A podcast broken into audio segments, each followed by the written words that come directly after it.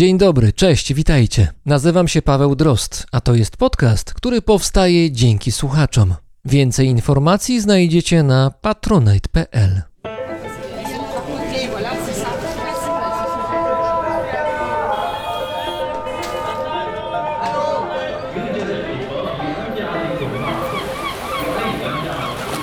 Brzmienie świata z lotu Drozda.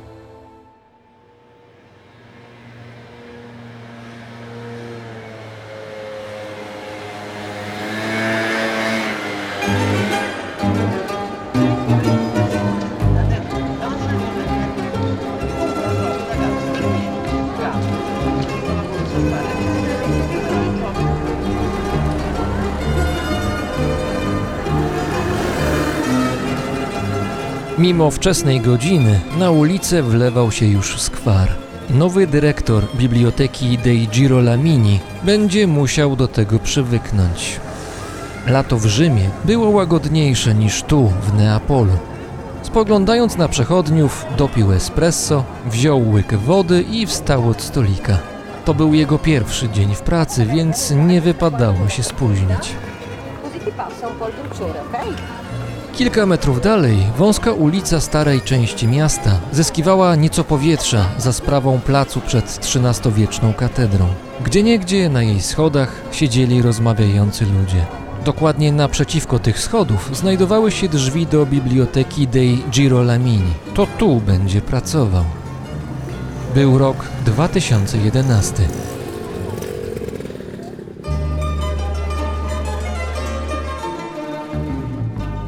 Nowego dyrektora przywitały uprzejme pozdrowienia pracowników. Nie byli pewni, czego mogą się po nim spodziewać. Tym bardziej, że życiorys tego 38-latka nie do końca pasował do placówki, którą miał teraz kierować. Biblioteka dei Girolamini została otwarta w 1586 roku. Była drugą najstarszą biblioteką na terenie Włoch. O jej powstaniu zdecydował sam papież. Dyrektor postanowił zrobić sobie spacer po placówce, zanim zasiądzie w swoim gabinecie. Najpierw przeszedł długim korytarzem, po bokach którego wisiały liczne obrazy. Arcydzieła sztuki XV, XVI i XVII wieku. Potem zajrzał do sali Vicco. Sala Vicco swoją nazwę zawdzięczała pamięci Giambattisty Vicco. Był to wybitny filozof i kolekcjoner sztuki okresu oświecenia. Neapolitańczyk. Dyrektor przyjrzał się wysokim na kilka metrów drewnianym regałom pełnym książek. By sięgnąć ręką do najwyżej położonych tytułów, trzeba było posłużyć się stojącą obok drabiną. Dookoła przestronnej sali biegła antresola, a na niej widać było kolejne regały, uginające się od woluminów pamiętających Arystotelesa. Tam, gdzie nie było książek, ściany wypełniały freski, nie wyłączając sufitu. W sali unosił się ten specyficzny zapach upływającego czasu. Mieszanina drewna, skóry i kurzu. Dyrektor wziął głęboki oddech i uśmiechnął się do siebie. Tylko on czuł jeszcze jeden zapach. Zapach pieniędzy.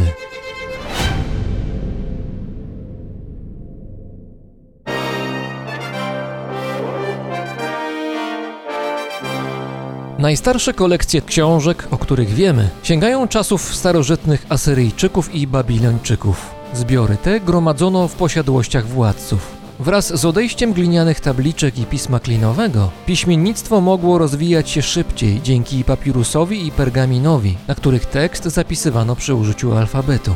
Wiedza zapisana na zwojach mogła być łatwiej kopiowana oraz transportowana. Dostojnicy zamawiali wykonanie dzieł na swoje potrzeby albo wysyłali w świat odpowiednio przygotowanych ludzi, by ci zdobywali dla nich cenne okazy.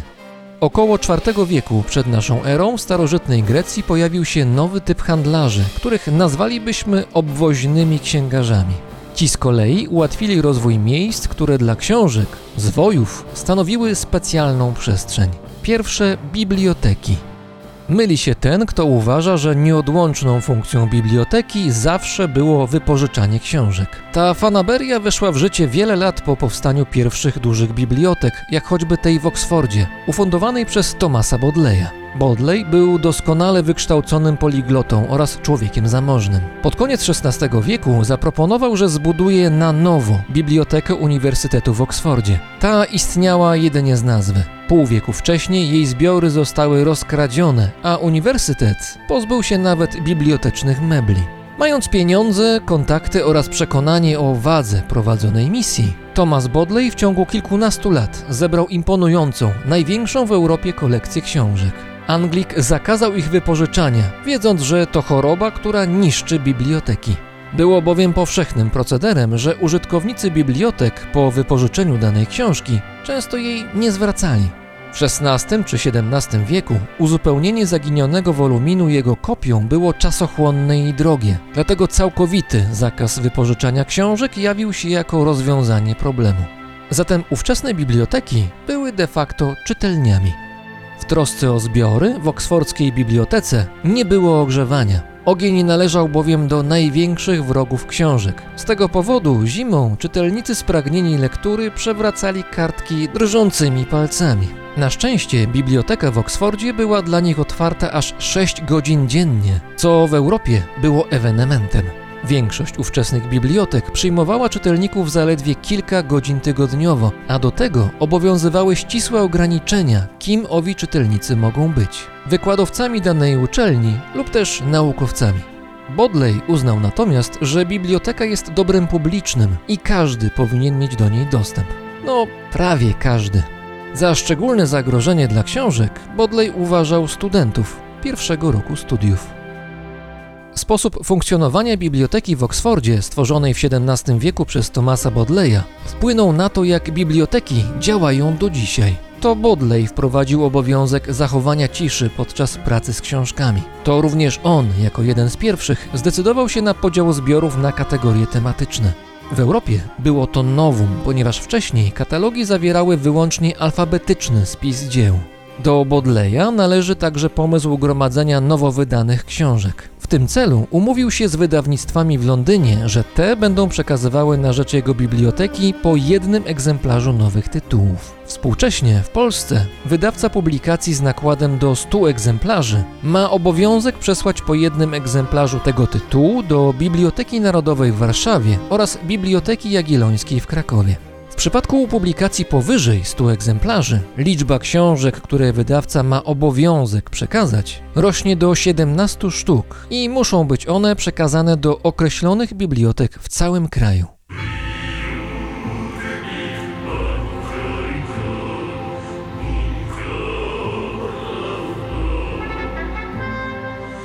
Kto kontroluje książki, ten ma władzę. Wiedział o tym Lenin, wiedział o tym Hitler. Wiedzieli o tym inkwizytorzy w Hiszpanii. Gdy Lenin rozpoczął tworzenie nowego, socjalistycznego państwa, nakazał stworzyć rozbudowaną sieć bibliotek. Te miały być natychmiast wyposażone w książki, za pomocą których socjalistyczna ideologia mogła docierać do serc i umysłów obywateli. Początkowo socjalistyczne biblioteki były otwarte dla wszystkich i każdy pożyczał książki bez pośredników. Później jednak wprowadzono rejestrację użytkowników oraz katalogi książkowe, co umożliwiało kontrolę i nadzór nad czytelniczymi wyborami ludzi. To narzędzie wciąż jest dla władz cenne. W 2001 roku, po wrześniowych zamachach na World Trade Center, amerykańskie służby bezpieczeństwa zaczęły domagać się dostępu do bibliotecznych kartotek.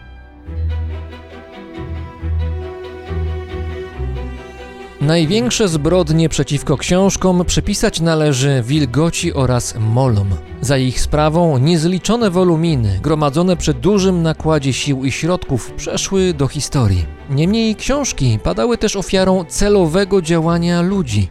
Wiemy, że dzieła naukowców czy ludzi sztuki, którzy popadali w niełaskę władców, były niszczone w starożytnych Chinach, w Grecji czy w Cesarstwie Rzymskim. Palono pisma o charakterze sakralnym, jeśli w grę wchodziła konkurencyjna religia. W średniowieczu na stos trafiały dzieła starożytnych, które nie pasowały do nowej, dominującej w Europie religii chrześcijaństwa. W XVI wieku hiszpańscy konkwistadorzy zniszczyli dzieła pisane kultury azteckiej i majańskiej. Niejednokrotnie palenie książek miało formę spektaklu z udziałem publiczności. W takim duchu w 1933 roku odbyła się ogólnoniemiecka akcja palenia książek, zaledwie cztery miesiące po zdobyciu władzy przez Adolfa Hitlera. Organizatorami akcji byli aktywiści i studenci wyznający wyższość narodowego socjalizmu nad innymi ideologiami i systemami myślenia. Palono książki zarówno ze zbiorów prywatnych, jak i bibliotek publicznych. A na celowniku znalazły się nieprawomyślne dzieła filozofów, myślicieli, artystów, książki autorów niemieckich, francuskich, angielskich czy żydowskich. W głównych miastach Rzeszy spektakle palenia książek gromadziły po kilkadziesiąt tysięcy widzów.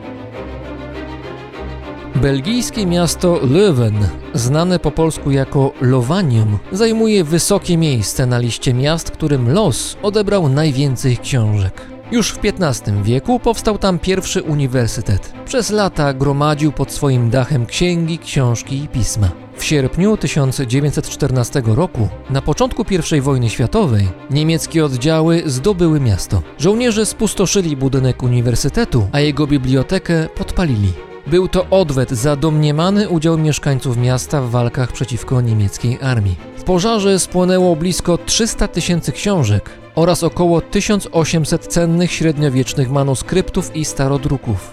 Po zakończeniu wojny rozpoczęto odbudowę Uniwersyteckiej Biblioteki. W ciągu zaledwie trzech lat zgromadzono 450 tysięcy książek. Połowa z nich pochodziła z Niemiec. Była to część reparacji wojennych, które pokonani musieli przekazać zwycięzcom. 12 lat po otwarciu nowej biblioteki w Lowanium, los po raz kolejny brutalnie zapukał do jej drzwi.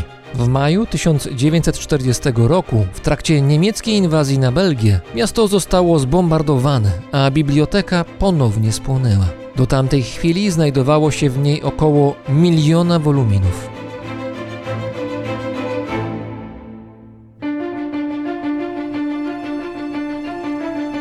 Niemieccy żołnierze mają na swoim koncie co najmniej jedną wyjątkową sytuację, gdy podczas II wojny światowej to oni ratowali książki od zniszczenia.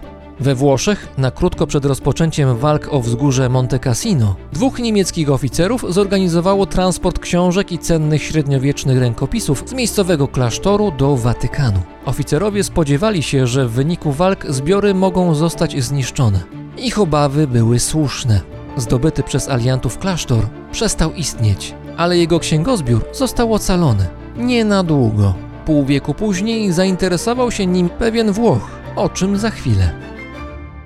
W XXI wieku przypadki demonstracyjnego palenia książek wciąż się zdarzają, choć mają lokalny charakter i zwykle są to odosobnione przypadki, często o podłożu religijnym. We Włoszech palono książki amerykańskiego pisarza Dana Browna, autora popularnej powieści Kod da Vinci. W Izraelu palono Nowy Testament, a incydenty związane z paleniem Koranu miały miejsce w Stanach Zjednoczonych i w tym roku w Szwecji.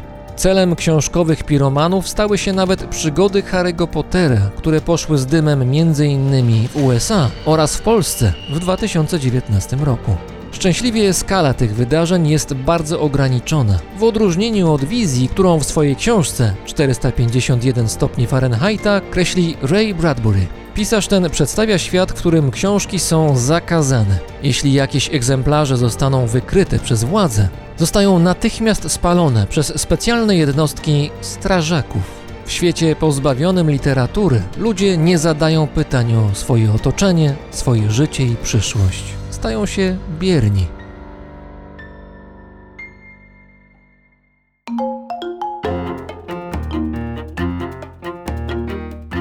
Zmorą bibliotek na całym świecie były i są książki, które nigdy nie wracają na półki. Czasem dana książka zostaje przypadkiem zniszczona, innym razem zgubiona lub przywłaszczona przez czytelnika.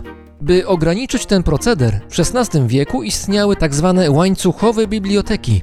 Znajdujące się w nich książki były przymocowane łańcuchem do półek lub regałów, a czytelnik mógł zapoznać się z ich treścią na miejscu.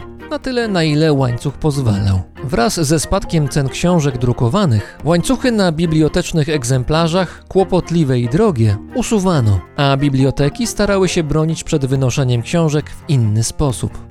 Znikające książki to zjawisko obecne również współcześnie. Jak zauważyli bibliotekarze w Stanach Zjednoczonych, niektóre tytuły znikają wyraźnie częściej od pozostałych. Przykładowo, w latach 90. XX wieku, w pierwszej trójce książek najczęściej znikających z bibliotek publicznych w USA były następujące tytuły.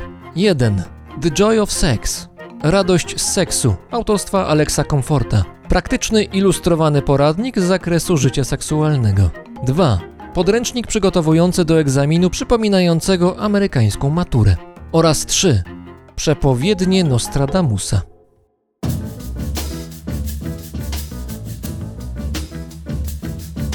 Wspomniane przypadki dotyczyły i wciąż dotyczą obywateli, którzy zasadniczo żyją zgodnie z literą prawa, ale czasami pożyczają na zawsze książki pod wpływem chwilowej słabości. Inaczej rzecz się ma w przypadku wyspecjalizowanych książkowych złodziei. Co ciekawe, najczęściej okazują się nimi pracownicy bibliotek, którzy mają zarówno wiedzę, jak i możliwości, by wynieść książki poza ich miejsce przeznaczenia. Ich łupem padają nie tylko pojedyncze, cenne egzemplarze. Czasami w grę wchodzą setki lub nawet tysiące tytułów. W 2011 roku w Canterbury, w jednej z najstarszych brytyjskich bibliotek, pracownicy dostali list. Został wysłany przez byłego bibliotekarza tej placówki, który pośmiertnie przyznał się do kradzieży sprzed 40 lat.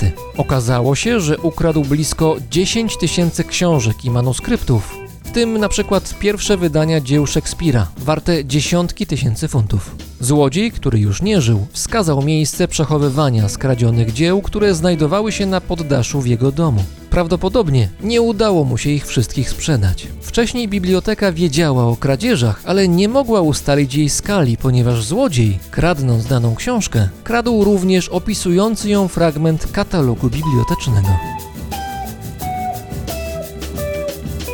2012 roku we Włoszech odkryto jedną z największych kradzieży książek ostatnich 100, a może nawet i 200 lat. Jej centralną postacią był Marino Massimo De Caro, ten niespełna 40-letni, nie wyróżniający się niczym szczególnym urzędnik państwowy. Rok wcześniej został dyrektorem Biblioteki dei Girolamini w Neapolu. Wcześniej De Caro był doradcą włoskiego ministra rolnictwa, a gdy ów został ministrem kultury, mianował swojego człowieka jako szefa prestiżowej państwowej biblioteki w Neapolu. Natychmiast po objęciu nowego stanowiska, Marino Massimo De Caro zarządził przeniesienie dużej części najstarszych zbiorów w nowe miejsce pod pretekstem ich ochrony przed kornikami. W rzeczywistości w ten sposób tworzył zasłonę dymną dla bezprecedensowej kradzieży. Ciągu niecałego roku De Caro oraz jego współpracownicy wynieśli z neapolskiej biblioteki kilka tysięcy bezcennych książek, w tym dzieła Galileusza, Arystotelesa czy Machiavellego. Kradzież wyszła na jaw, gdy na panujący w bibliotece chaos zwrócił uwagę pewien włoski historyk sztuki. Udało się odzyskać tylko część skradzionych woluminów. Wiele zostało już sprzedanych. Kradzieży, oprócz De Caro, brała udział sieć pośredników, konserwatorów oraz szef domu aukcyjnego w Monachium. Były dyrektor biblioteki przyznał się również do kradzieży w kilku innych włoskich bibliotekach, w tym w bibliotece klasztoru na Monte Cassino. Do jego największych łupów należały aż dwa egzemplarze XVI-wiecznego dzieła Mikołaja Kopernika o obrotach ciał niebieskich. Zrabowane książki mogły być warte do 3 milionów euro.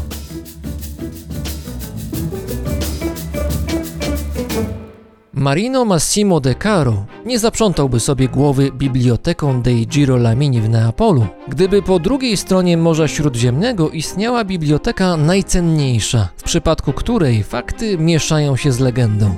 Biblioteka Aleksandryjska. Miejsce to nie przetrwało do naszych czasów i możemy jedynie domyślać się, że zawierało kilkaset tysięcy tytułów. Była to liczba gigantyczna i niemożliwa do pobicia aż do czasów nowożytnych. Biblioteka Aleksandryjska de facto składała się z dwóch osobnych części, z których jedna miała status królewski i nie była dostępna publicznie. Władcy Aleksandrii mieli ponoć ambicje, by zebrać pod dachem biblioteki całą dostępną w starożytności wiedzę w postaci książek. Do tej idei nawiązuje współcześnie technologiczny gigant Google, chcąc zdigitalizować wszystkie książki, oraz firma Amazon lub jak to woli Amazon. Ta ostatnia nieprzypadkowo nadała stworzonej przez siebie wirtualnej asystentce imię Alexa. Gdy syn Krzysztofa Kolumba, Hernando, zapragnął zgromadzić w swojej kolekcji książek w Hiszpanii to, co w formie pisanej oferował wiek XVI, kierował się niedoścignionym wzorem, jakim była dla niego Biblioteka Aleksandryjska. W swoich zbiorach Hernando Kolumb wprowadził katalog alfabetyczny, co w ówczesnej Europie było praktyką nieznaną, mimo że prawdopodobnie była to jedna z metod katalogowania zbiorów w Aleksandrii. Kolumb, syn, wprowadził też pewną innowację, która dzisiaj wydaje się nam banałem. Zaczął mianowicie przechowywać książki w pozycji pionowej, na regałach. Wcześniej Europejczycy przechowywali książki w skrzyniach lub na specjalnych pulpitach, co było niepraktycznym rozwiązaniem. Po śmierci kolekcjonera Hernando Columba, który nie miał dzieci, zawartość jego imponującej biblioteki częściowo zaginęła, częściowo została zniszczona lub rozkradziona, a jej relatywnie niewielka część jest wciąż dostępna w Hiszpanii. Marzenie Kolumba, by zbudować bibliotekę na miarę tej ze starożytnej Aleksandrii, pozostało marzeniem. Biblioteka Aleksandryjska nie istnieje. I istnieje zarazem. W 2002 roku w nawiązaniu do pierwowzoru odtworzono w Aleksandrii wielką bibliotekę.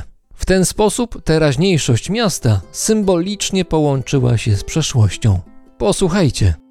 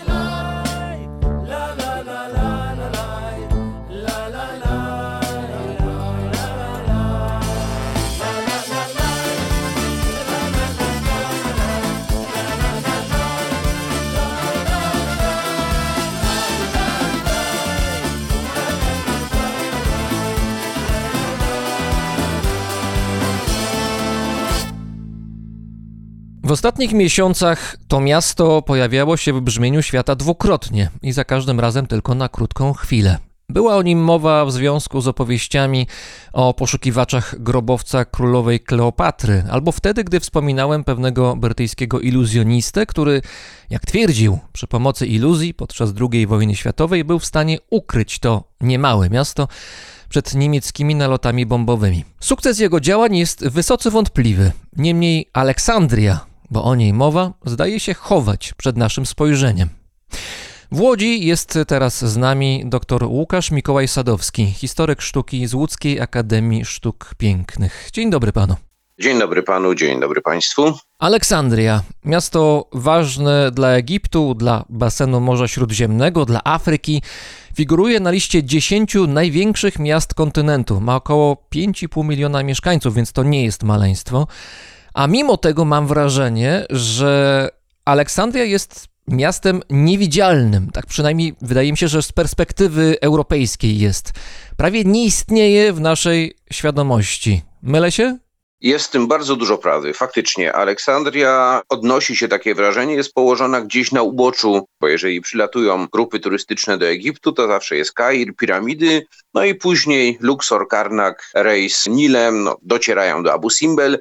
W tej chwili Aleksandria pojawia się jako przeznaczenie tras turystycznych, ale cały czas jeszcze stosunkowo rzadko, zwłaszcza jak na wagę tego miasta, powiedział pan o, o ilości ludności, prawda, jest to 5, ponad 5, prawie 6 milionów mieszkańców w tej chwili. W dodatku, no jednak niesamowita historia miasta założone przez Aleksandra Macedońskiego, a właśnie paradoksalnie, no tak jak pan użył tego określenia, miasto w pewien sposób cały czas niewidzialne. Także jest w tym bardzo dużo prawdy, bardzo dużo słuszności w tym twierdzeniu. Ponad 2000 lat historii to Aleksander Wielki jest fundatorem tego miasta, chociaż podobno zanim on tam się pojawił, zanim postanowił to miasto zbudować, to właściwie coś istniało wcześniej, więc on rozbudował to, co istniało wcześniej. Tak, no tutaj w przypadku Egiptu bardzo trudno mówić o takiej budowie na surowym korzeniu, prawda, czyli takim miejscu, które zupełnie było niezamieszkałe. Tam wszędzie były jakieś e, osady i tam owszem istniała starsza, jeszcze staroegipska powiedzmy osada, natomiast faktycznie no dzięki Aleksandrowi Wielkiemu miasto uzyskało rangę, rangę stolicy i to rangę zupełnie wyjątkową w Egipcie, bo już w starożytności mówiono Aleksandria ad Egyptum, czyli jakby to przetłumaczyć Aleksandria przy Egipcie. Z jednej strony to była stolica, tam rezydowali Ptolemeusze. Z drugiej strony natomiast to było miasto właśnie w pewien sposób odseparowane od reszty Egiptu. Miasto takie na pograniczu, można powiedzieć, trzech światów. Z jednej strony jest to pogranicze Delty Nilu, no, tego serca Egiptu, prawda, tego no, najważniejszego rolniczego zaplecza rolniczego i również jeżeli chodzi o osady, jeżeli chodzi o urbanizację bardzo ważnego terenu. Z drugiej strony jest to pogranicze pustyni, no a z trzeciej strony no, kolejną taką naturalną granicą, chociaż w przypadku Aleksandrii to raczej było zaletą, to jest brzeg Morza Śródziemnego, prawda, główny port Egiptu, który w zasadzie no, stał się tym takim dominującym i miał prymat jako chyba najważniejszy, największy port w basenie Morza Śródziemnego już za czasów rzymskich. No, na pewno w tamtej części Morza Śródziemnego było to, było to olbrzymie, olbrzymia metropolia i olbrzymi, bardzo ważny port. Ja się zastanawiam, dlaczego Aleksander Macedoński był uprzejmy założyć Aleksandrię tam, gdzie ją założył, bo właściwie jak spojrzeć na mapę, to to nie jest jakoś wygodne miejsce. No się rozumiem oczywiście i Delta Nilu, i Morze Śródziemne, to wszystko jest jasne, to są oczywiste powody, dla którego chcielibyśmy dane miasto jako port, ważny port w regionie założyć, ale z drugiej strony do dzisiaj, jak się patrzy na Aleksandrię, na mapę satelitarną chociażby, to jest miasto ściśnięte, ono jest dociśnięte do wybrzeża Morza Śródziemnego i jest stosunkowo wąskim miastem, długim i wąskim. Tak, ono jest ściśnięte między jezioro a morze. Dlaczego Aleksander Macedoński założył tam miasto? Nie wiem. Dlaczego Aleksander Macedoński ruszył do Indii? Też można by było sobie zadać takie pytanie. Myślę, no tak próbując, gdybając nieco, że to położenie Aleksandrii, właśnie takie trochę na uboczu, właśnie takie przy Egipcie, ad Egiptum, było związane z tym, że Aleksander chciał stworzyć coś nowego. Oczywiście, tak jak pan wspomniał, tam były wcześniej osady, było osadnictwo, państwo, ale to było położone poza tym takim głównym kręgiem cywilizacji egipskiej, państwa egipskiego, a było to miasto zaprojektowane nie dla Egipcjan, tylko dla Greków, dla Macedończyków. Później tam istniała spora diaspora żydowska, później oczywiście Rzymianie i zawsze to miasto było po pierwsze zróżnicowane etnicznie, po wtóre Egipcjanie, jeżeli tam mieszkali, to byli taką ludnością, no nie chcę używać określenia drugiej kategorii, ale trochę tak to wyglądało. Części centralnej, czyli w Brucheum, tam gdzie znajdowały się fora rzymskie, tam gdzie były te fantastyczne aleje, tam gdzie były pałace, pałac Kleopatry oczywiście, tam mieszkali Grecy, Macedończycy, Rzymianie, czyli ludność należąca do narodu panującego w danym momencie.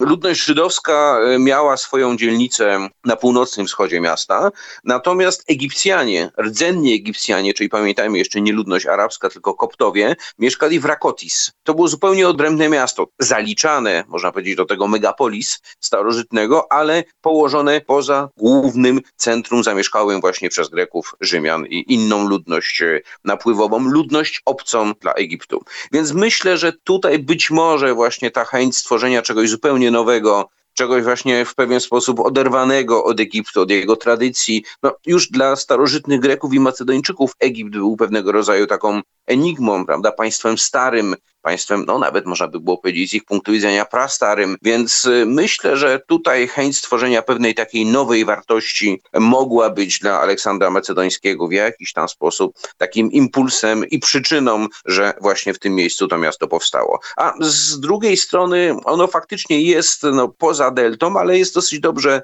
z deltą skomunikowane. Poza tym w czasach starożytnych tam łatwo się żeglowało, to znaczy y, łatwo można było dotrzeć z Aleksandrii zarówno na tereny powiedzmy Bliskiego Wschodu, y, na tereny Anatolii, jak i w stronę Krety, która znajduje się no, praktycznie naprzeciw, na północ i później kolejnych wysp greckich. Także myślę, że tutaj to takie strategiczne, komunikacyjne połączenie też było dosyć istotne. To było miasto, właściwie nadal jest do pewnego stopnia, wydaje mi się, miasto jakoś osobne, Mhm. państwo miasto można powiedzieć, ale jedna rzecz jest, wydaje mi się, istotna tutaj, jeżeli chodzi jeszcze o czasy antyczne, to znaczy, wbrew temu, co może nam się wydawać, Aleksandria, tak jak jest, teraz jest egipską metropolią, to kiedyś egipską metropolią właściwie nie była, to była grecka metropolia, jedno z najważniejszych miast w regionie, greckie ewidentnie, a nie egipskie. Tak, no językiem, którym mówiono na ulicach Aleksandrii był język grecki. I to zdecydowanie, zresztą diaspora żydowska też używała języka greckiego. To był język życia codziennego, język ulicy, w związku z czym tak, było to zdecydowanie miasto greckie. Greccy filozofowie, greccy artyści, no, słynna Hypatia posługiwała się językiem greckim.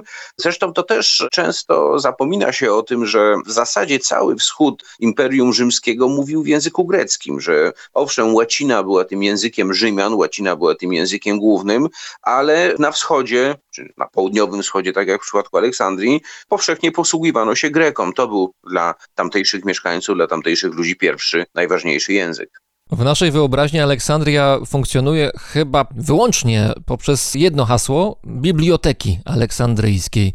Powstała gdzieś około III wieku przed naszą erą i właściwie to jest jedyna rzecz, którą identyfikujemy właśnie z Aleksandrią. Poza tym to właściwie Aleksandria dla nas nie istnieje. To może przy tej bibliotece się zatrzymajmy. Ona nie istnieje, chociaż istnieje w nowej formie. Istnieje w bardzo ciekawej formie architektonicznej.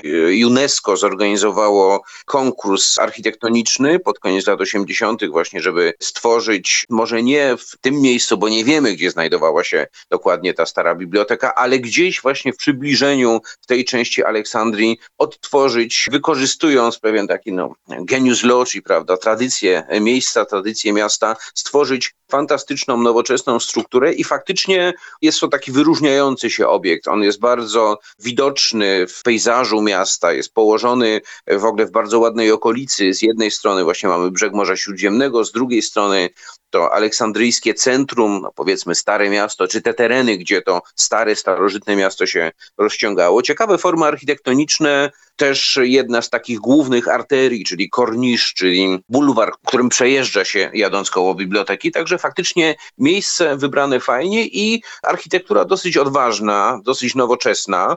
Moim zdaniem niespecjalnie odwołująca się do tradycji antycznej, ale to chyba w tym wypadku dobrze, że tutaj chciano stworzyć pewną taką nową, nową wartość. Także tutaj zdecydowanie ten powrót do, do tradycji, no jak najbardziej, jak najfajniejsza idea, jak najfajniejszy pomysł. I uważam, że fajnie zrobiony, fajnie wykonany.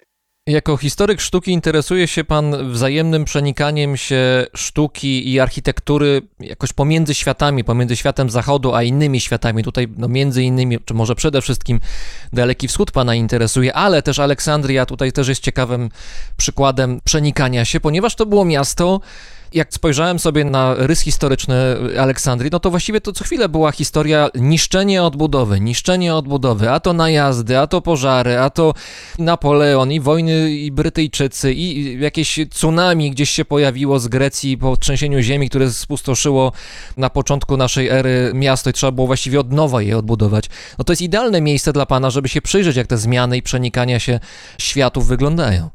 Jest to fantastyczne miejsce. Jakimś takim paradoksem historii jest to, że właśnie w tych miejscach, gdzie dużo się dzieje i które często ulegają zniszczeniu, często te formy, których odradza się dane miasto, są jeszcze wspanialsze, jeszcze piękniejsze. Tak jak pan powiedział, no, historia Aleksandrii to jest historia ustawicznych popiołów, z których odradza się Feniks. Mamy prawda, pożar czy zniszczenie dokonane przez Cezara, później zdobycie przez Oktawiana Augusta, później z kolei walki Bizantyjczyków z Persami, najazd podbój arabski, potem krucjata Piotra de Lusignan, później, tak jak pan wspomniał, Napoleon, potem Brytyjczycy dwukrotnie Tak. i właśnie taki ostatni, najgorszy pożar to jest rok 1882, kiedy faktycznie flota brytyjska bombarduje, niszczy centrum Aleksandrii. Tu oczywiście to była taka typowa polityka kanonierek, To była katastrofa, prawda? Jak gdzieś czytałem opisy, to właściwie miasto zostało spustoszone. To jest końcówka XIX wieku. To jest końcówka XIX wieku, natomiast zachowanie jest no, arcybarbarzyńskie, można by rzec.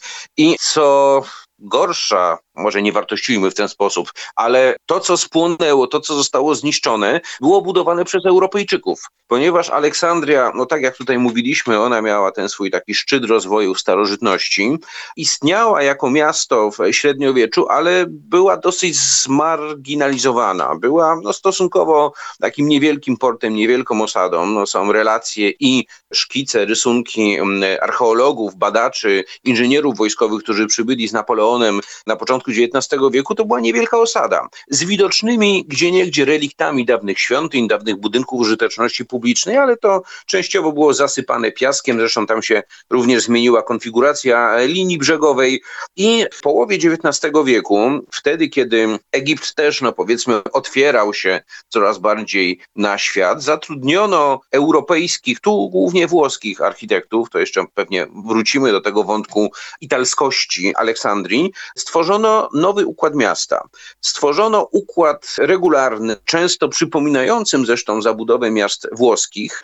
Z jednej strony to było fajne, bo powstało bardzo takie no, sensowne, racjonalne, regularne rozwiązanie. Z drugiej strony to rozwiązanie powstało dokładnie nad starożytną Aleksandrią. Później to zniszczyli Brytyjczycy i ponownie odbudowali. Tutaj no, trzeba oddać Brytyjczykom, że faktycznie ta rekonstrukcja, odbudowa Aleksandrii na przełomie XIX i XX wieku była spektakularna, ale znów starożytna Aleksandria znajduje się pod spodem. I w tej chwili, żeby cokolwiek odkopać, żeby cokolwiek odsłonić, musielibyśmy niszczyć zabytkowe już domy, kamienice, muzea, wille. Stąd też e, no, wiemy, mamy rekonstrukcję, jak wyglądała Aleksandria starożytna, ale mnóstwo jest pod ziemią, mnóstwo rzeczy jest, czy byłoby do e, odkrycia, no ale no, nie zrobimy tego, prawda? Archeolodzy nie zniszczą miasta współczesnego, nowoczesnego, żyjącego i mającego również wartość estetyczną, architektoniczną, po to, żeby odsłaniać relikty sprzed 2000 lat. Tu może też taka mała dygresja. e, Polska misja archeologiczna, czy archeolodzy z Uniwersytetu Warszawskiego dosyć aktywnie działają w Aleksandrii i oni odsłaniają część właśnie tych reliktów Starego Miasta. Z tym, że no chociażby, żeby właśnie odsłonić te relikty, trzeba było bodajże w latach 60. XX wieku rozebrać, zniszczyć fortyfikację, fort stworzony przez inżynierów francuskich, napoleońskich. No, w tej chwili, prawda, ten fort liczyłby już ponad 200 lat. No ale to często właśnie jest taki kompromis, prawda, czy szukanie rozwiązań, kompromisu między tym, co należałoby odkryć, tym, co trzeba zniszczyć, etc., etc. Także faktycznie no, tutaj to, co zniszczyli Brytyjczycy, było bardziej europejskie, niż arabskie, niż muzułmańskie, niż mamy ludzkie. No a z drugiej strony, tak jak powiedziałem, no właśnie nadbudowano, stworzono na tym jeszcze wspanialszą, jeszcze lepszą architektonicznie, jeszcze bardziej imponującą e, nową Aleksandrię. Proszę nas oprowadzić po tym mieście i tutaj bym proponował, żebyśmy zaczęli od formalnie chyba jeszcze wyspy, chociaż de facto wyspą może już nie jest, to znaczy chodzi mi o wyspę Faros, która z kolei znana jest z tej słynnej, istniejącej tam latarni morskiej. Ta latarnia zachowała się w formie reliktu i to jest cały czas czytelne. Tam później w średniowieczu powstała na tym miejscu forteca i faktycznie te bloki kamienia, które widzimy, prawdopodobnie stanowiły podstawę tego jednego z cudów świata antycznego. No, latarnia morska, niezwykle spektakularna, jej płomień w nocy świecił na wiele kilometrów, dzięki czemu statki, okręty starożytne mogły tam bezpiecznie dopływać, zniszczona siłami natury, czyli na skutek jednego z trzęsień ziemi. Zresztą też może taka mała dygresja, bo nawiązując już do późniejszej architektury, faro, faros, latarnia morska, no po pierwsze to słowo przeniknęło do wielu języków europejskich, wszystkich, zwłaszcza tych romańskich, łacińskich, a z drugiej strony forma, kształt latarni morskiej został wykorzystany przez muzułmańskich zdobywców, przez Arabów do konstrukcji minaretu. W większości wypadków minarety, mówię o tych takich tradycyjnych, cylindrycznych wieżach, bo minarety też mają różne formy, właśnie nawiązywała, czy taką inspiracją była latarnia morska, prawdopodobnie właśnie owa latarnia morska aleksandryjska. Także zupełnie taki dziwny, prawda, skręt z architektury jak najbardziej świeckiej, użytecznej do obiektu, do struktury, która wykorzystywana jest przy meczetach, czyli przy architekturze sakralnej. No, w każdym razie w tej chwili Faros jest takim cyplem wysuniętym w morze. On w pewien sposób ogranicza, i to też jest czytelne, bo ogranicza również starożytności zatokę, gdzie znajdował się e, starożytny port. W tej chwili oczywiście współczesny port Aleksandry jest przesunięty bardziej na zachód. Tam są współczesne baseny portowe, doki, etc., etc. Natomiast ten port starożytny, no to jest e, raczej taka marina, czy miejsce, gdzie są łodzie rybackie, no, zresztą te wody, no, które były odpowiednie, czy ich głębokość była odpowiednia w czasach starożytnych, czy jeszcze do nowożytności, no w tej chwili oczywiście dla współczesnych statków okrętów byłoby to zbyt płytko. Także tak, będąc pod latarnią morską, pod dawną latarnią morską, czy przy reliktach, przy murach cytadeli, mamy świadomość i możemy sobie bardzo łatwo oczyma wyobraźni dopowiedzieć wygląd tego miejsca te 2000 lat temu. Warto pamiętać też, że Aleksandria była bardzo ważnym portem wojennym w czasie II wojny światowej. No, dla Brytyjczyków, dla aliantów to była kluczowa baza i w zasadzie od zachowania, utrzymania Aleksandrii no, w pewnym stopniu zależały losy wojny. Brytyjczycy mieli tam potężną flotę, Brytyjczycy w ogóle mieli potężne garnizony zarówno w Aleksandrii, jak i w Kairze i też często nie pamięta się o tym, ale to było miejsce bardzo takich dramatycznych i interesujących z punktu widzenia historii wydarzeń związanych z II wojną światową. Aleksandria była celem ataków samolotów państw osi, była kilkakrotnie bombardowana. Na szczęście dla architektury miasta przede wszystkim tutaj były bombardowane urządzenia portowe, a w 1941 roku Włosi, flota włoska, marynarka wojenna włoska przeprowadziła no bardzo taką niesamowitą akcję wojenną przy wykorzystaniu tak zwanych żywych torped czyli torped, które były dostosowane do tego, że były kierowane przez dwóch nurków i załoga takiej torpedy, która musiała się przedostać, znaczy była powiedzmy podwieziona okrętem podwodnym, wysadzona na pełnym morzu i z tego pełnego morza musiała się przedostać przez sieci zaporowe, przez wszelkiego rodzaju łodzie patrolowe do samego portu wojennego i tam przyczepić czy umieścić ładunek wybuchowy do brytyjskiego okrętu. Tutaj taką akcję podjęli Włosi w grudniu 1941 roku. Dowódcą tych żywych torped był oficer marynarki wojennej włoskiej, arystokrata hrabia della Penne, któremu udało się dopłynąć i umieścił ładunek wybuchowy, z tym, że nie przyczepiony, z tego co pamiętam, tylko na dnie pod brytyjskim krążownikiem Valiant. Nurkowie zostali odkryci w momencie, kiedy się wynurzali, wzięci do niewoli, no i Brytyjczycy bardzo szybko zorientowali się, że, że jest zagrożenie, że prawdopodobnie jest jakiś ładunek wybuchowy, no więc trochę taką terrorystyczną metodą tych dwóch włoskich jeńców, nurków umieścili na samym dnie okrętu, no dając im ultimatum, że albo powiecie, gdzie jest ładunek wybuchowy, gdzie jest ta bomba, albo pójdziecie na dno, jeżeli ta bomba wybuchnie.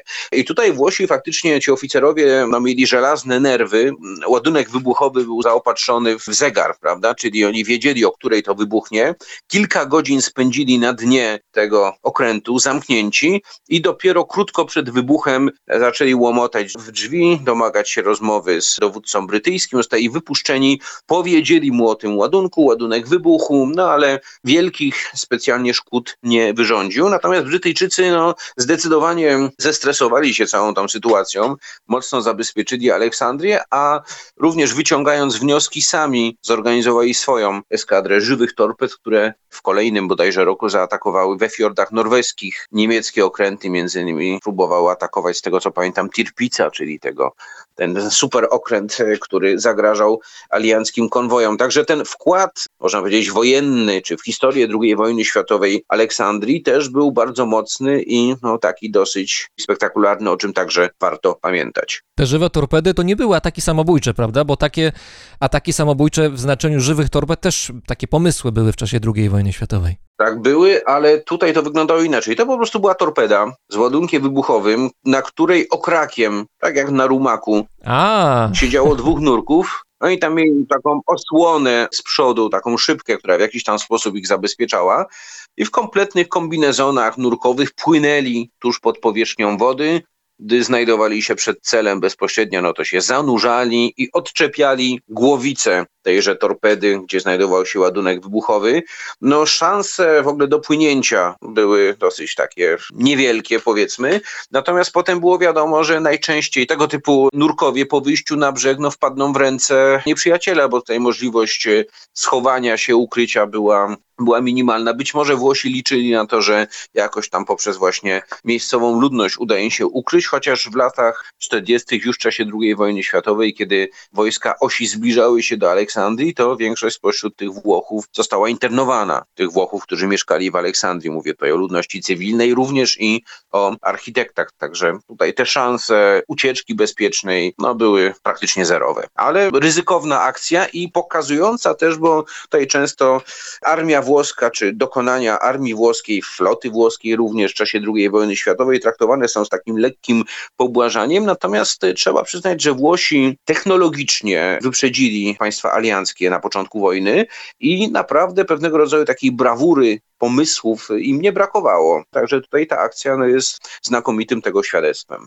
Wspomniał pan o tym, że ta latarnia morska na Faros była prawdopodobnie inspiracją dla muzułmanów, kiedy budowali minarety, ale ja bym powiedział nawet coś więcej, że ta budowla, która ma co najmniej te 2000 lat, ona właściwie, jak się patrzy na projekcje, które przedstawiają prawdopodobny jej wygląd, ona wygląda na tych projekcjach bardzo współcześnie. To znaczy, gdyby ktoś ją wstawił jeden do jednego gdzieś, nie wiem, na Manhattan do Nowego Jorku albo do centrum Tokio, to równie dobrze mogłaby tam uchodzić za jakiś biurowiec. Drapacz chmur, tak, tak. No, dlatego była jednym z cudów świata antycznego i tutaj no, nigdy nie wyjdę z podziwu na myśl o tym, co potrafiła inżynieria tyle tysięcy lat temu stworzyć, co potrafili inżynierowie, budowniczy, architekci stworzyć. Faktycznie był to ewenement konstrukcyjny i, i wybitne dzieło, można powiedzieć tak, sztuki architektoniczno-inżynieryjnej. Ta wieża miała 110-120 metrów mniej więcej, a piramida Cheopsa niewiele wyższa jest, tylko że piramida Cheopsa ma zupełnie inną konstrukcję. Tak, tak, zupełnie inną formę. No poza tym piramida Cheopsa jest jednak dużo starsza, prawda? To jest właśnie ten stary Egipt, ten Egipt właściwy, natomiast tutaj było to tworzone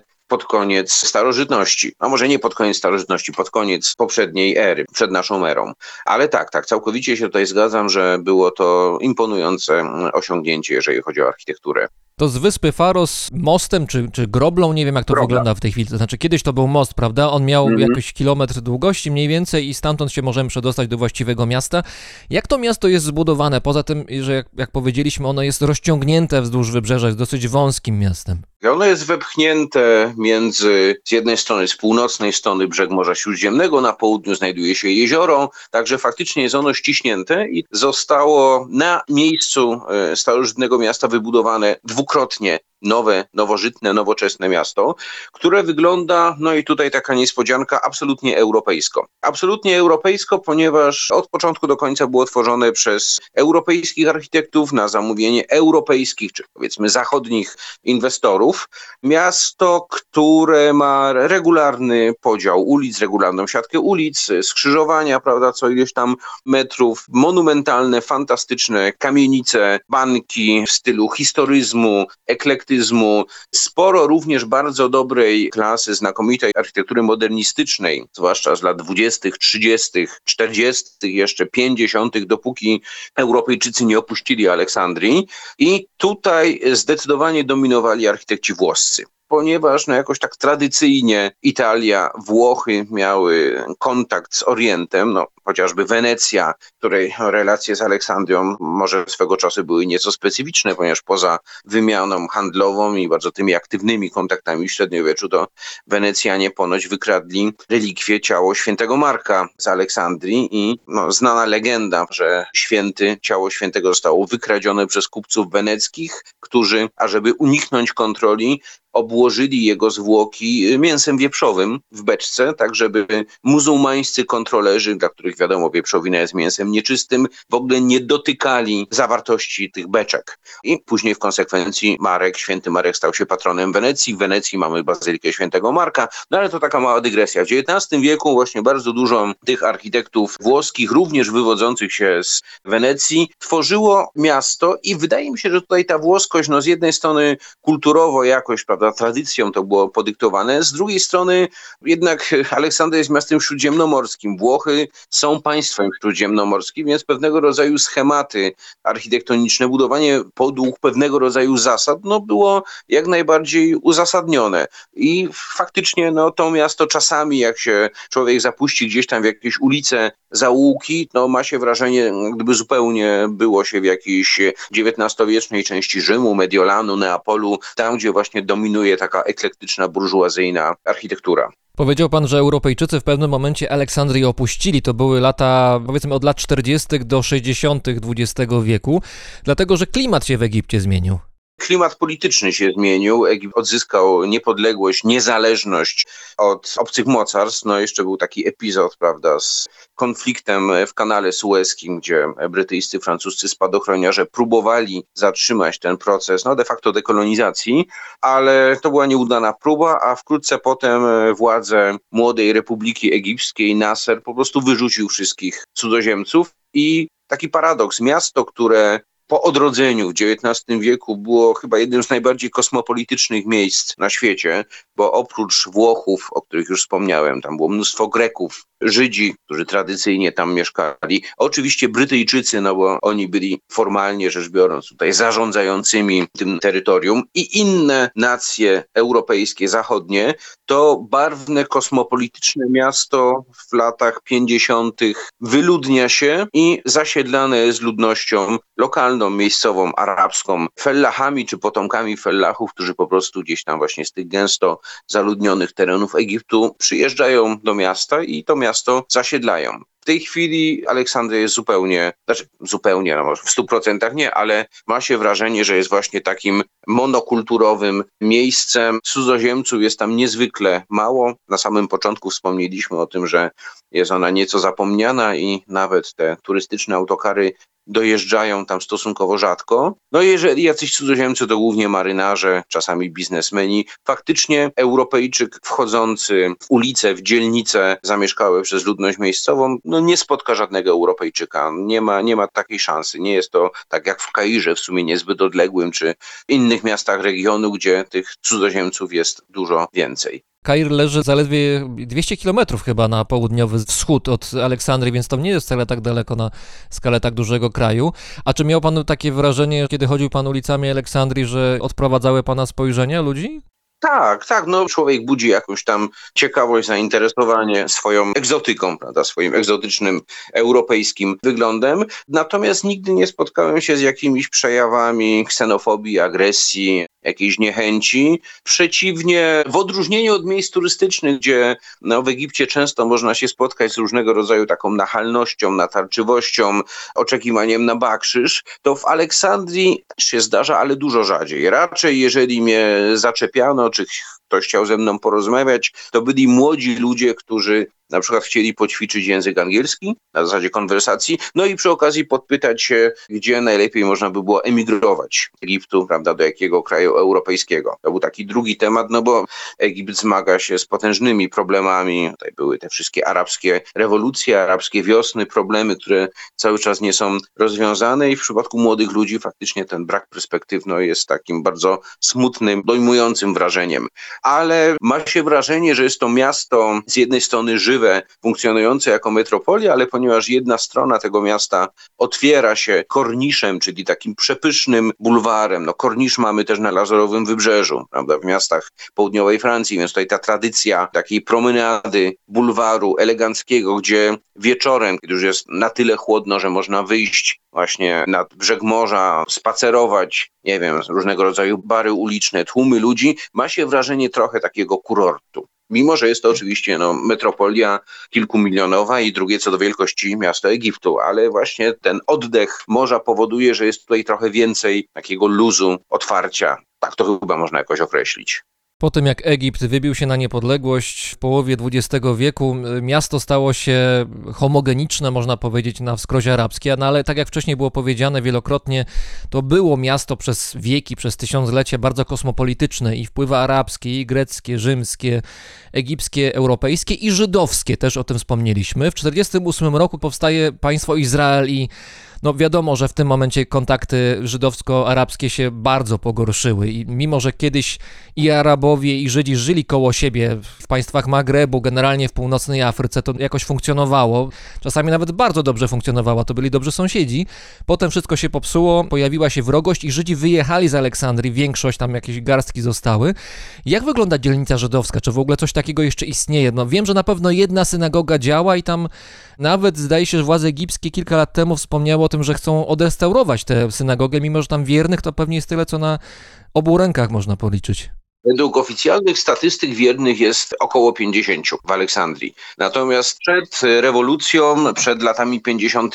było też 50 i jenoże tysięcy Żydów w Aleksandrii, także no potworny spadek, jeżeli chodzi o ilość ludności. Synagog było, z tego co się orientuje, kilka, natomiast ja widziałem jedną, to jest Eliahu Hanawi, synagoga Eliahu Hanawi, w całkiem niezłym stanie. Znaczy, na pewno były jakieś prace zabezpieczające prowadzone, bo ten budynek jest w dobrym stanie technicznym, z zewnątrz przynajmniej. Natomiast wejść mi się nie udało, ponieważ jest on obstawiony barierami, kontrolami policyjnymi, więc tam w ogóle nie było możliwości nawet zrobienia zdjęcia tego budynku z ulicy, co też świadczy prawda, o tym takim napięciu, które występuje cały czas na linii świata żydowskiego i świata muzułmańskiego. Ale synagoga istnieje i oficjalnie jest zabezpieczona czy chroniona przez państwo egipskie.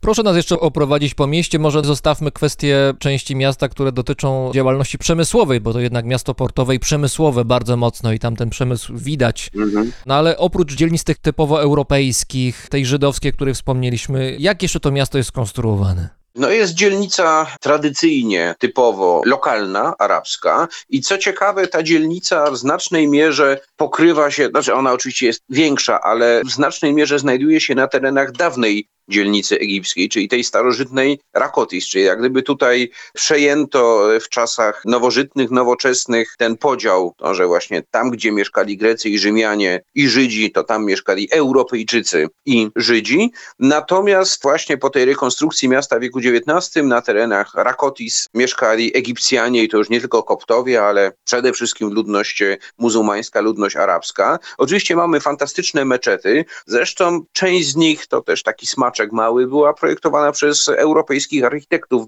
na potrzeby właśnie muzułmańskiej ludności i one są świetnym przykładem właśnie takiego eklektyzmu, historyzmu, w zależności o, o którym meczecie mówimy i również erudycji europejskich architektów, którzy potrafili właśnie stworzyć coś w takim znakomitym muzułmańskim, mauretańskim stylu. Także jest to, jest to takie jak gdyby podwójne nałożenie się pewnego rodzaju wpływów, przeplatania się wpływów kulturowych.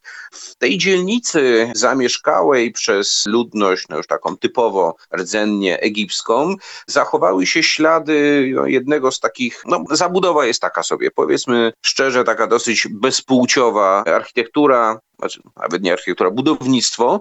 Natomiast w środku właśnie tej dzielnicy istnieje jeden z nielicznych reliktów tej starożytnej Aleksandrii, czyli kolumna Pompejusza. To jest samotna, samotnie stojąca kolumna, która prawdopodobnie z Pompejuszem nie ma nic wspólnego, no ale tak została nazwana, to już też jest długa historia, tu nie będziemy tego przytaczać. Co ciekawsze, ta kolumna znajduje się na terenie dawnego Serapeum, czyli świątyni Serapisa, która była jedną z najwspanialszych świątyń świata starożytnego. To było jedno z najważniejszych miejsc pielgrzymkowych, gdzie ofiary przychodzili składać zarówno Egipcjanie, jak i Grecy, Rzymianie. Tam znajdowała się również biblioteka, no, olbrzymie zbiory, dzieł sztuki, wotów, które były zbierane przez stulecia przez wiernych. Świątynia dotowana bogato również przez Ptolemeuszy. I świątynia, która przestała istnieć w momencie, kiedy nastąpił rozwój chrześcijaństwa, czyli w IV wieku naszej ery, kiedy najpierw edykt mediolański Konstantyna Wielkiego sankcjonuje, można by powiedzieć, istnienie chrześcijaństwa jako jednej z oficjalnych religii, natomiast potem wymijały kolejne lata, no chrześcijanie umacniali się i niekoniecznie w sposób pokojowy, no też nie wspomina się o tym, ale były bardzo silne tarcia między chrześcijanami i poganami. I te tarcia, zamieszki powodowały, że świątynie pogańskie często były po prostu niszczone. To znaczy, mówi pan o sytuacji, kiedy role się odwróciły, to znaczy chrześcijanie, którzy byli w mniejszości, byli prześladowani, teraz stali się tymi, którzy byli na górze tego łańcucha pokarmowego. Dokładnie tak. I tutaj mogę, mogę odesłać do takiego bardzo ciekawego filmu pod tytułem Agora, który został nakręcony już kilka, kilkanaście lat temu. W roli głównej występuje Rachel Weisz, czyli aktorka brytyjska, ale pochodzenia żydowskiego i ona gra postać głównej bohaterki greckiej filozofki Hypatii, która była ponoć jedną z najmędrszych kobiet późnej starożytności, była poganką związaną właśnie z Serapeum. No tam autorzy filmu wręcz przypisują jej odkrycie poprzedzające odkrycia Kopernika, czyli teorii heliocentrycznej, co być może jest pewnego rodzaju taką licencją poetyką, ale z drugiej strony kto wie. I właśnie ta Hypatia została zamordowana przez motłoch aleksandryjski, ale jako poganka, czyli to były po prostu właśnie takie zamieszki, ruchawki powodowane czy prowokowane przez chrześcijan po to, żeby zwalczyć, żeby wyprzeć, żeby zniszczyć po prostu pogan. To taka dosyć czarna karta w historii Aleksandrii, bo wtedy przepadło mnóstwo właśnie znakomitych starożytnych obiektów. No ale cóż, no tak jak powiedzieliśmy, prawda, Aleksandria regularnie była, była niszczona, a później się odradzała. Aleksandria, miasto z tak długą historią, y, tak istotne dla starożytnego świata i też później na mapie y, basenu Morza Śródziemnego bardzo ważne miejsce, właściwie w tej chwili jest, jak pan powiedział, no, miastem jakoś na wskroś nowoczesnym, nawet bardzo europejskim. Tak, wizualnie tak, zdecydowanie. Wiadomo, jest to też miasto pełne kontrastów, no bo wiemy tutaj o państwie, które nie jest państwem europejskim, które zmaga się z wieloma problemami społecznymi, ale jeżeli miałoby się powiedzieć metropolia, to zdecydowanie to pasuje to określenie. Jest niezwykle rozległym miastem. Jeszcze jeden taki element, który też wpływa no, na taki obraz europejskości, to jest bardzo długa linia tramwajowa wybudowana przez Brytyjczyków, która łączy naprawdę całkiem odległe dzielnice. Ta linia tramwajowa ciągnie się we wschodniej części miasta wzdłuż linii brzegowej, wzdłuż Morza Śródziemnego. Jadąc tym tramwajem mija się dzielnice willowe, zatoka, między innymi Zatoka Stanley, no, taka brytyjska nazwa, gdzie właśnie w latach 20., 30. budowano wille, kluby sportowe. No to faktycznie daje taki obraz no, wielkomiejski tegoż miasta. Wspominaliśmy o synagogach, o, o meczetach, ale też niesamowite są świątynie chrześcijańskie, katolickie, budowane przez Włochów i na przykład e, katedra, główna katedra Aleksandrii pod wezwaniem świętej Katarzyny, oczywiście aleksandryjskiej. Patrząc na fasadę, na elewację frontową tejże budowli, mamy wrażenie, jakbyśmy się znaleźli w barokowym Rzymie. To jest taka typowa właśnie barokowa, kontreformacyjna, potrydencka fasada ze spiętrzonymi kolumnami, ze spływami wolutowymi, no tak jakbyśmy sobie stali przed jakimś dziełem, nie wiem, Berniniego, może nie, bo Bernini bardziej rzeźbiarski, ale Maderny, któregoś z tych architektów rzymskich z początku XVII wieku. Mamy absolutnie wrażenie italskości, rzymskości, a jest to budynek czy fasada zaprojektowana i wykonana w roku 1927. czyli no, zupełnie współczesny dwudziestowieczny obiekt. Autorem tego projektu był oczywiście włoski architekt Mario Avena, który z jednej strony właśnie w latach dwudziestych projektował takie bardzo, no możemy użyć tego słowa zachowawcze, tradycyjne obiekty w stylu włoskim, a w latach 30. stał się jednym z głównych projektantów fantastycznych, fenomenalnych, modernistycznych willi. Tutaj dla miłośników modernizmu lat 30., architektury nowoczesnej, Aleksandria też jest no, takim niesamowitym miejscem, gdzie poziom tej architektury jest naprawdę wybitny, jest znakomity. I znowuż tutaj Włosi, właśnie tacy architekci jak Avena, jak Loria, są takie kamienice e, w części centralnej miasta, które są inspirowane pałacem Dożów w Wenecji, z takimi arkadami, łukami gotyckimi, z plecionkami ornamentów, e, z mozaikami. Także zupełnie weneckie wrażenie, a potem e, tenże właśnie Loria zaczął też projektować w stylu dużo bardziej takim modernym. Jeżeli pan pozwoli, to jeszcze jedna taka mała dygresja, może Antonio Corazzi, architekt włoski, florencki, działający w Warszawie, zawdzięczamy mu chociażby Teatr Wielki, Operę Narodową w Warszawie, wysłał projekt konkursowy teatru do Aleksandrii. W połowie XIX wieku był właśnie rozpisany taki konkurs. Ten projekt się zachował, jest w archiwach, nie został zrealizowany, ale można powiedzieć, że no, człowiek, architekt związany w jakiś sposób z naszą stolicą, związany z Polską, też startował i też w jakiś tam sposób zamierzał udzielać się w tym rozwoju architektonicznym tego egipskiego, czy powiedzmy prawie egipskiego miasta.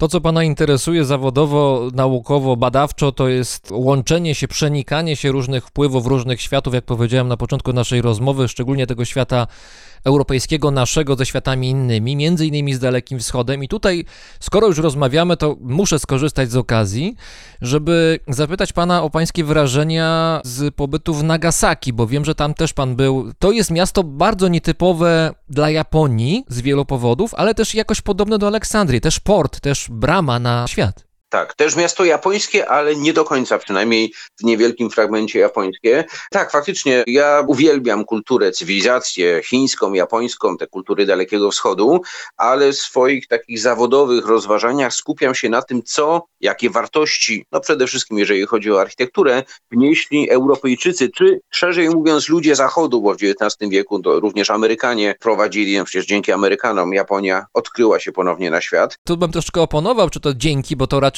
Amerykanie zmusili Japonię do otwarcia, bo Japonia nie miała możliwości powiedzieć nie, bo Amerykanie działami przekonali Japończyków do zmiany optyki. Tak, ale chyba per saldo Japonii no, wyszło to na korzyść, no bo tak to ile lat jeszcze mogłaby być taką zupełnie odseparowaną od świata wyspą, taką enklawą, no to trochę by wyglądało już jak Korea Północna w takim układzie. Natomiast właśnie wspomniane przez pana Nagasaki to była jedyna łączność z Japonią, zanim Amerykanie nie wymusili otwarcia. Nagasaki, które było miastem japońskim, tam początkowo działali portugalscy misjonarze, Portugalczycy jako pierwsi dotarli do Japonii i od razu e, za, w ślad za Portugalczykami przybyli jezuici, których no, jednym z głównych celów tego stowarzyszenia, tego zakonu była praca misyjna, ponieważ jezuici w XVI-XVII wieku byli absolutną elitą europejskich kapłanów, czy w ogóle elitą intelektualną Europy, więc bardzo szybko udało im się ochrzcić, nawrócić czy ochrzcić dziesiątki tysięcy Japończyków. Tam Niektóre źródła mówią nawet, że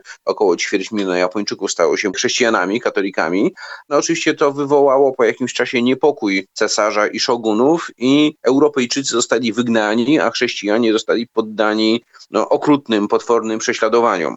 Jedynym Europejczykom, którym udało się zostać w Japonii, nie byli katolikami, byli protestantami i wręcz obnosili się ze swoją niechęcią do katolicyzmu, to byli Holendrzy. Kupcy holenderscy, którym pozwolono właśnie w Nagasaki, a w zasadzie u wybrzeży Nagasaki, na takiej sztucznej wyspie, no nie pamiętam ile to ma metrów, ale to jest taki strasznie klaustrofobiczny kawałek ziemi, połączony jednym mostem z e, lądem stałym i tylko tam mogli przebywać ci holenderscy kupcy. Na ląd mogli się przemieszczać tylko i wyłącznie za zgodą władz japońskich, także no takie klaustrofobiczny, naprawdę układ, ale korzyści z tego były nieprawdopodobne, bo Holandia, Niderlandy, teraz powinno się mówić prawidłowo, miała monopol na towary europejskie sprzedawane w Japonii i na bardzo poszukiwane w świecie europejskim towary japońskie, czyli porcelany, jakieś wyroby z laki. Europejczycy zawsze fascynowali się Orientem, to było coś, co niesamowicie ich przyciągało, dlatego no, można było się zgodzić na różnego rodzaju szykany, ograniczenia po to właśnie, żeby czerpać z tego naprawdę wielkie zyski, wielkie korzyści.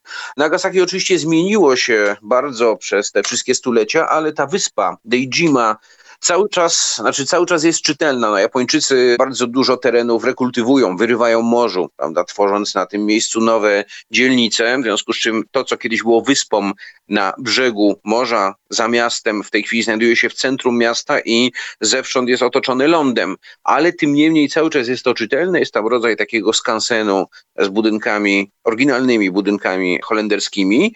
I w Japonii jest właśnie świadomość tego, że miasto to jest bardzo zachodnie, najbardziej chyba zachodnie, tym bardziej, że zaraz po tym wspomnianym przez nas otwarciu, wymuszonym otwarciu Japonii na świat, to właśnie najpierw w Nagasaki zaczęli się osiedlać pierwsi europejscy i amerykańscy kupcy, także w pobliżu Deijimy, tam troszkę bardziej na południe, powstała cała dzielnica europejska, już pochodząca z XIX wieku, z takimi na wskroś europejskimi budynkami.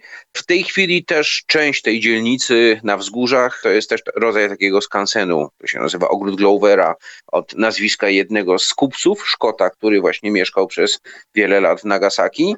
I jest to fascynujące. No, dla nas jest to fascynujące jako przykład właśnie tej takiej wymiany międzykulturowej i tworzenia budynków w stylu europejskim albo co ciekawsze w stylu europejsko-japońskim. Natomiast dla Japończyków jest to egzotyka w drugą stronę i oni tam przyjeżdżają, robią sobie zdjęcia po to, żeby poczuć się trochę właśnie jak w Europie. Także to obopólna wymiana, jeżeli chodzi o te kwestie tradycji, cywilizacji, kultury, etc., etc.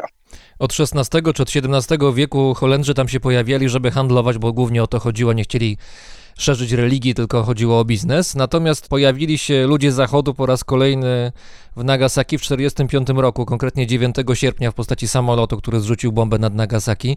Na ile ta katastrofa zmieniła kształt miasta i ślady europejskie, które tam się znajdowały? Nagasaki położone jest w takim fiordzie, głęboko wrzynającej się w morze Zatoce i przedzielone pasmami wzgórz. Bomba miała się rozerwać nad portem, czyli nad miejscem, gdzie znajdowały się stocznie, doki. Prawdopodobnie gdyby Amerykanie wycelowali, znaczy gdyby trafili tam, gdzie celowali, to zniknęłaby Deijima, zniknęłaby właśnie ta część europejska. Natomiast bomba spadła w innym miejscu, bardziej w głębi lądu, też nad dzielnicą chrześcijańską, bo w Nagasaki tych chrześcijan już w wieku XX było sporo. Tutaj jeszcze kolejne takie polonikum. Ojciec Maksymilian Maria Kolbe mieszkał w Nagasaki w latach 30. i tam faktycznie ta, ta społeczność chrześcijańska była całkiem spora. I bomba ta rozerwała się w pobliżu katedry urakami. Był taki nowy kościół z początków XX wieku, o ile pamiętam. I faktycznie cała ta dzielnica chrześcijańska wyparowała no, w takim najgorszym tego słowa znaczeniu. Została zniszczona część centrum miasta, ale poprzez konfigurację terenową, właśnie poprzez tą taką brzynającą się zatokę, poprzez te wzgórza, nietknięte zostały te dzielnice położone bezpośrednio nad morzem, czyli w tym również Deijima, ta wyspa holenderska. W tej chwili Nagasaki zabliźniło zupełnie swoje rany. Katedra zniszczona, wypalona, została odbudowana no, w formach bardziej uproszczonych, bardziej takich zmodernizowanych, typowych dla lat 50. Jest tam takie bardzo przejmujące lapidarium, gdzie zgromadzono fragmenty dekoracji architektonicznej, fragmenty rzeźb z tej poprzedniej starej katedry, które są po prostu, jest to spalony kamień, no, to jest takie wręcz no, trudne do opisania, a z drugiej strony pokazujące, jak potworna musiała być tam temperatura, prawda, w środku tego epicentrum bomby atomowej. Jest całe muzeum, całe takie centrum i ta najważniejsza część Nagasaki pozostała nietknięta i tutaj żadnych zmian specjalnie w wyglądzie miasta, no poza modernizacją nie ma. Aleksandria, Nagasaki, jeszcze Singapur. To jest trzecie miasto, które znalazło się w kręgu pańskich zainteresowań i też podobne do tych dwóch pierwszych, to znaczy port, miasto otwarte na świat, miasto, w którym ścierały się, łączyły się różne wpływy regionalne i też pozaregionalne, rama i gospodarcza, i polityczna, i społeczna. Znaczy jest jeszcze kilka innych miast, które też mnie interesują, ale Singapur zdecydowanie tak. No Singapur jest miastem zupełnie nowym, które powstało w miejscu, gdzie były jakieś tam niewielkie malajskie wioski. Kariera Singapuru, no, znaczy on powstał na początku XX wieku. Sir Thomas Stamford Raffles zdecydował, że tam powstanie miasto. Natomiast e, kariera Singapuru rozpoczęła się po wybudowaniu kanału sueskiego, czyli znowuż w jakiś tam sposób łączymy się z Egiptem.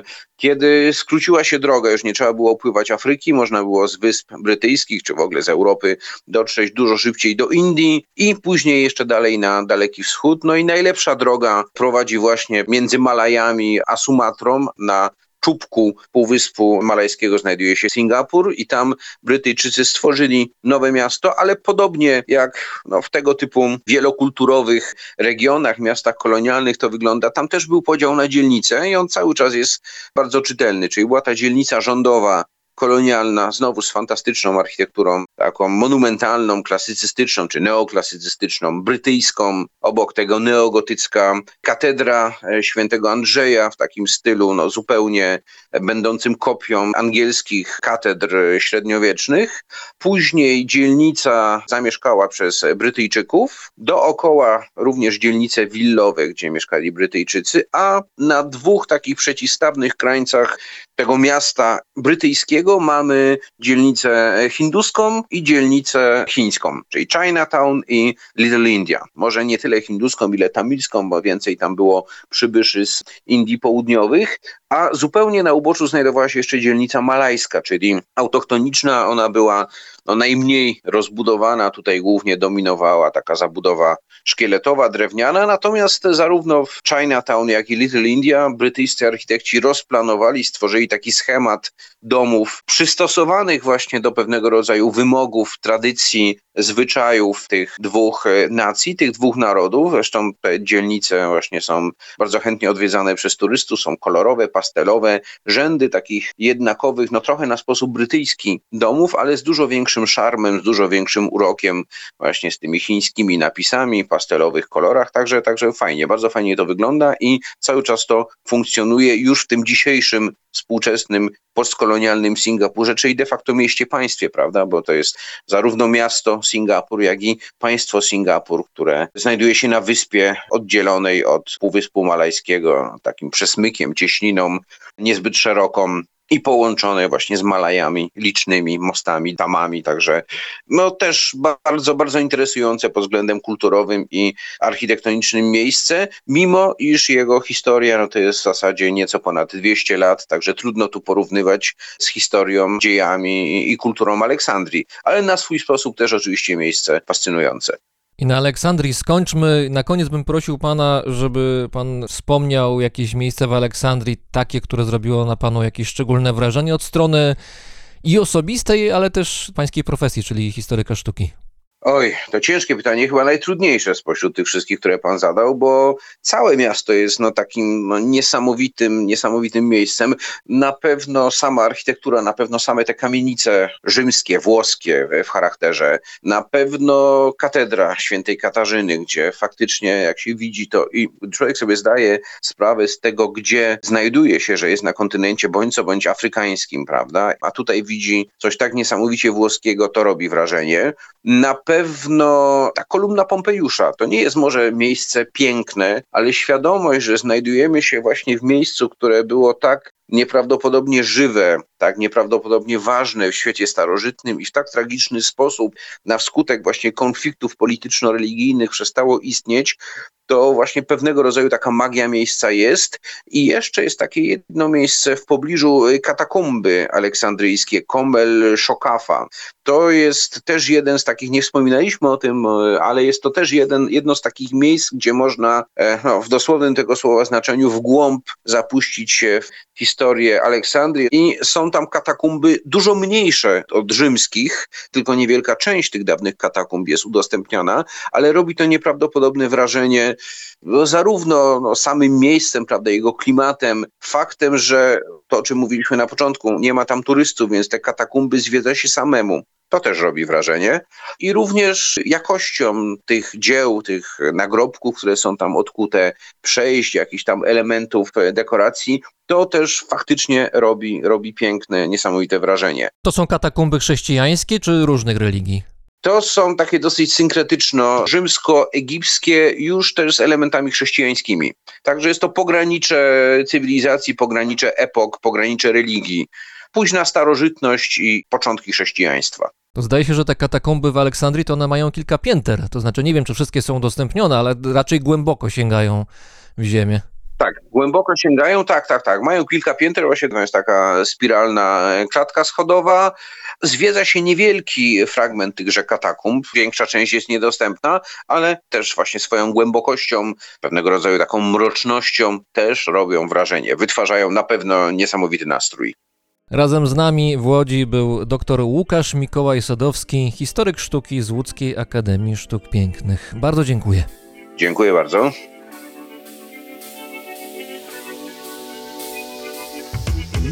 بما انه صار مطروح نترك بعض ونروح خد معاك الكل شي خد معاك الروح وخليني خليك عايش أنا معلي ولا زفت ولا متسلي وشو ما بدك قولي ولا لا لا تقولي لا.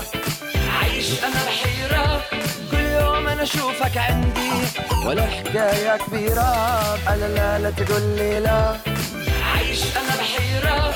كل يوم أنا أشوفك عندي ولا حكاية كبيرة بما إنه صار لازم أكون معاك حازم. انسى ولا ولا كل شي كان ما كان لازم. من الأول تعطيه مطرح ما نبت فيه. شو بدك خليه بس فوق عني ولي ولا أنت مستني. خد حالك محلي. واستنى بشترى فروض آه أنا عندك مستلي. واضحة لك محلي. جست هنا بقى نور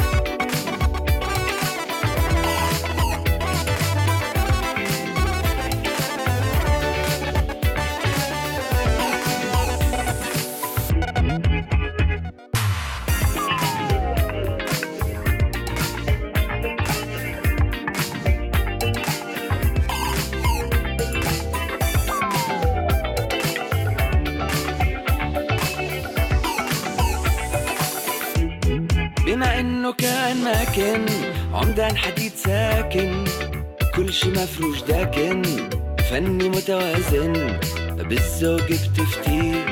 فكر ما حدا قدي بدي وما بدي. عالعملة في تحدي عدي وما تأدي لأقرأ على المصدي مش معنى الكل الواجب. بطلت أمزح جدي بما إنه صار مطروح. نترك بعض ونروح. خد معاك الكل شي خد معاك الروح. وخليني خليك. عايش أنا معلي ولا زفت ولا متسلي. وشو ما بدك قولي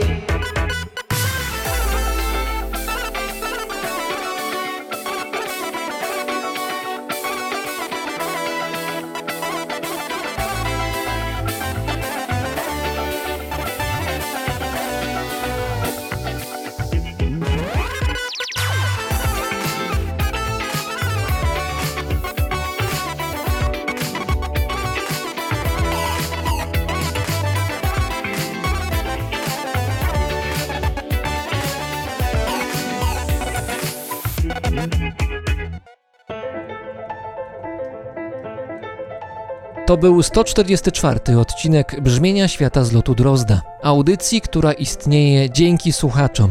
Jeśli spodobał się Wam ten odcinek, pozostawcie po sobie pozytywną ocenę, gwiazdkę, lajka lub inny znak tam, gdzie podcastów słuchacie. To dla mnie realna pomoc. Bardzo dziękuję wszystkim patronom i patronkom za hojność na patronite.pl. Dziękuję również światoczułemu patronowi brzmienia świata, firmie Ergo Ubezpieczenia Podróży. Paweł Drozd, czyli ja, mówi Wam dobrego dnia.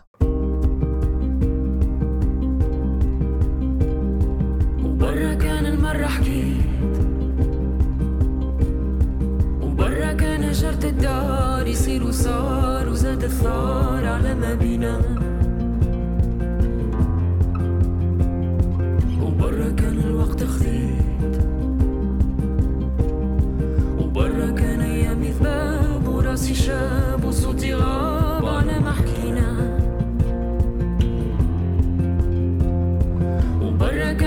تحيات وبرا كان صلاتي قيام وصيامي ثبات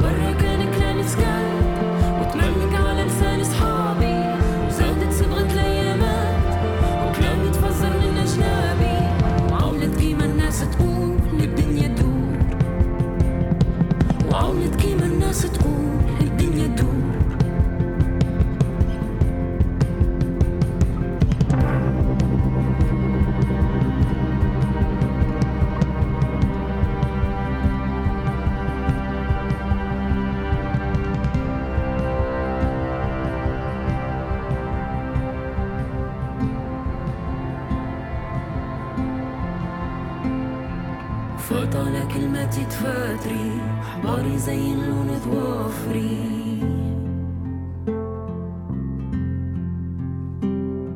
كلامي تبرى من أخواطري ولساني وعيني باقي ساتري. ونسيت أنا في نية دارك نسيت وقيد غفلة جاري